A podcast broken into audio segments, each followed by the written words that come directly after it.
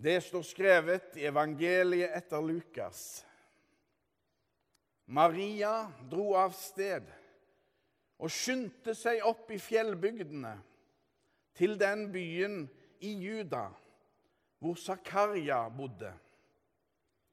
Der gikk hun inn til Elisabeth og hilste på henne. Da Elisabeth hørte Marias hilsen, sparket barnet i magen hennes. Hun ble fulgt av Den hellige ånd og ropte høyt. Velsignet er du blant kvinner, og velsignet er frukten i ditt mors liv.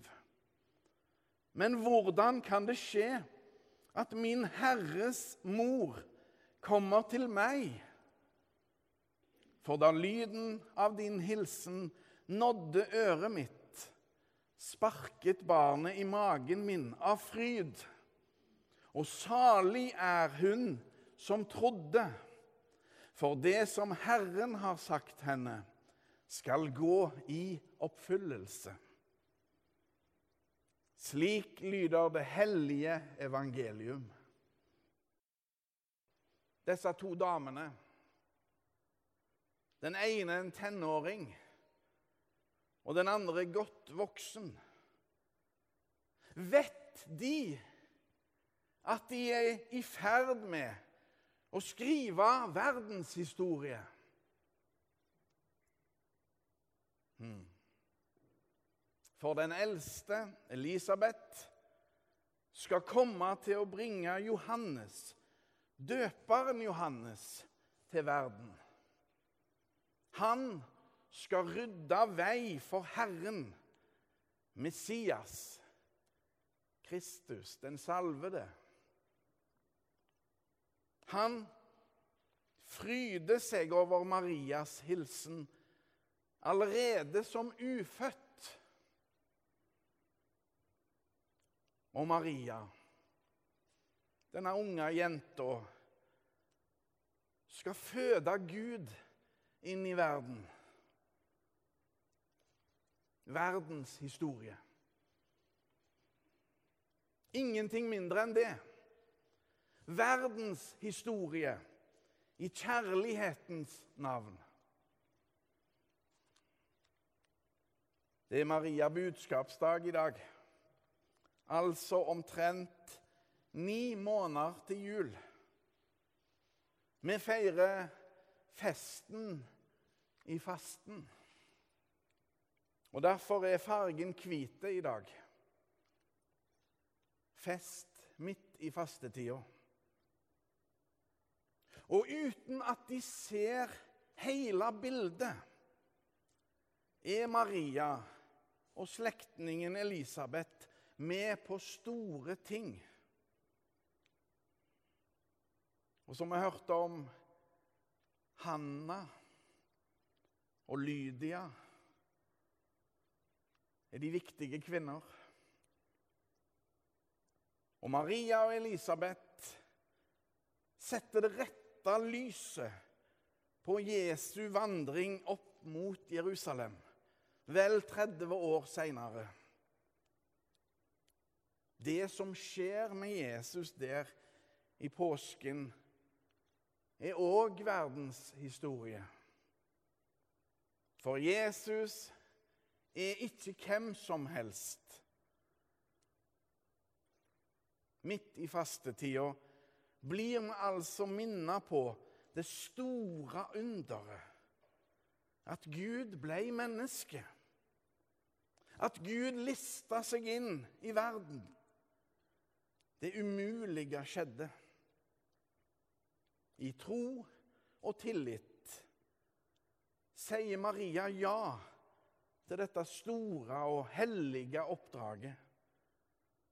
Og når Maria drar på besøk til Elisabeth, vet hun allerede fra engelen at store og uventa ting skjer òg i hennes liv.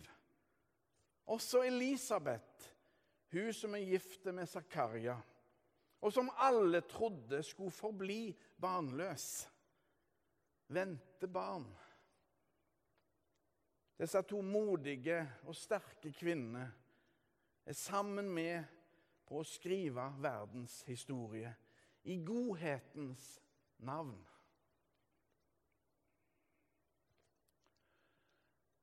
Men òg den siste måneden har verdens historie blitt skreven. I djevelskapens navn. Russlands overfall på Ukraina er bare trist og avskyelig. Diktatoren Vladimir Putin, han som var offiser i KGB, overkjører all motstand med løgn og mord. Og lyger så han tror det sjøl. Det var et dårlig tegn like før invasjonen at den forrige presidenten i USA, Donald Trump, erklærte Putin for å være et geni. Snakka meg om idioti. Og som i all krig er det også denne gangen de sivile, små og uskyldige, som blir ramma hardest. Det er hjerteskjærende. Verdens historie skrives altså både i godhet og i djevelskap. Og der ligger òg utfordringen for oss. Lar vi ondskapen eller godheten forlede oss? På seg selv kjenner man andre, sies det.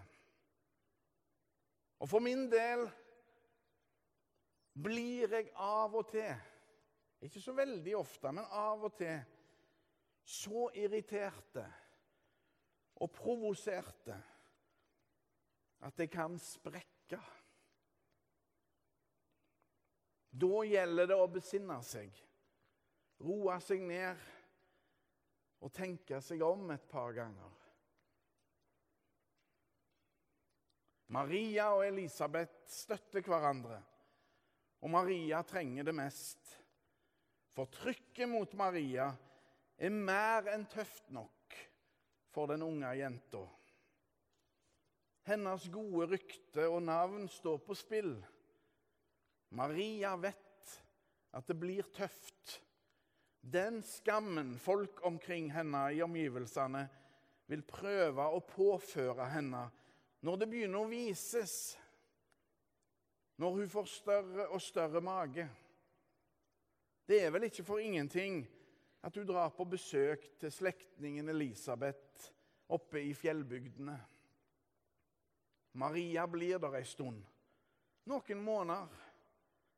Sammen er de sterkere, og erfaringen og klokskapen Elisabeth deler med henne, er gull verdt. Klokskap, ja. En kan si mye om Ukrainas president Volodymyr Zelinskyj. Han har ikke bare gjort kloke ting, men han har gjort ganske mange kloke ting. Han har overraska stort og vært en samlende leder for sitt folk. Da han fikk et tilbud fra USA om å rømme ut av landet, da sa han jeg trenger ikke skyss. Jeg trenger ammunisjon. Han var skuespiller og komiker og spilte hovedrollen i en TV-serie om en vanlig mann som blir president. Så bestemte han seg for å gjøre virkelighet ut av serien og ble faktisk presidentkandidat. Han vant en knusende seier med 73 av stemmene. En utrolig historie. Og hvis Putin trodde at Zelenskyj med sin manglende politiske erfaring og bakgrunn skulle bli en lett match, så tok han grundig feil. Like feil som det var å tro at Ukraina skulle bli lett å erobre. Vesten står mer samla enn noen gang, og Ukraina holder imponerende godt stand mot okkupasjonsmakta. Iallfall foreløpig. De enorme lidelsene denne meningsløse krigen har medført og medfører, er til å grine av. Så var det ikke et enkelt oppdrag for Maria å bære fram Guds sønn til verden. Det betyr mye folkesnakk og ondsinna rykter. Og tenk for en kjempestor utfordring det òg var for Josef. Hans elskede Maria blir gravid, og Josef vet at han ikke er faren. Men òg Josef blir møtt på en skikkelig måte. Gud tar Maria og Josef på alvor og går med dem, både i glede og medgang, motgang og smerter. Når Guds kjærlighet møter oss, da gjelder det å ta imot. Det var det Maria og Elisabeth gjorde. Og de skrev verdenshistorie. Vi òg er en del av historien. Vi òg har ansvar for å gjøre det gode og avstå fra det onde. Videre etter vår tekst så opplever vi at Maria bryter ut i sin jublende lovsang til Gud.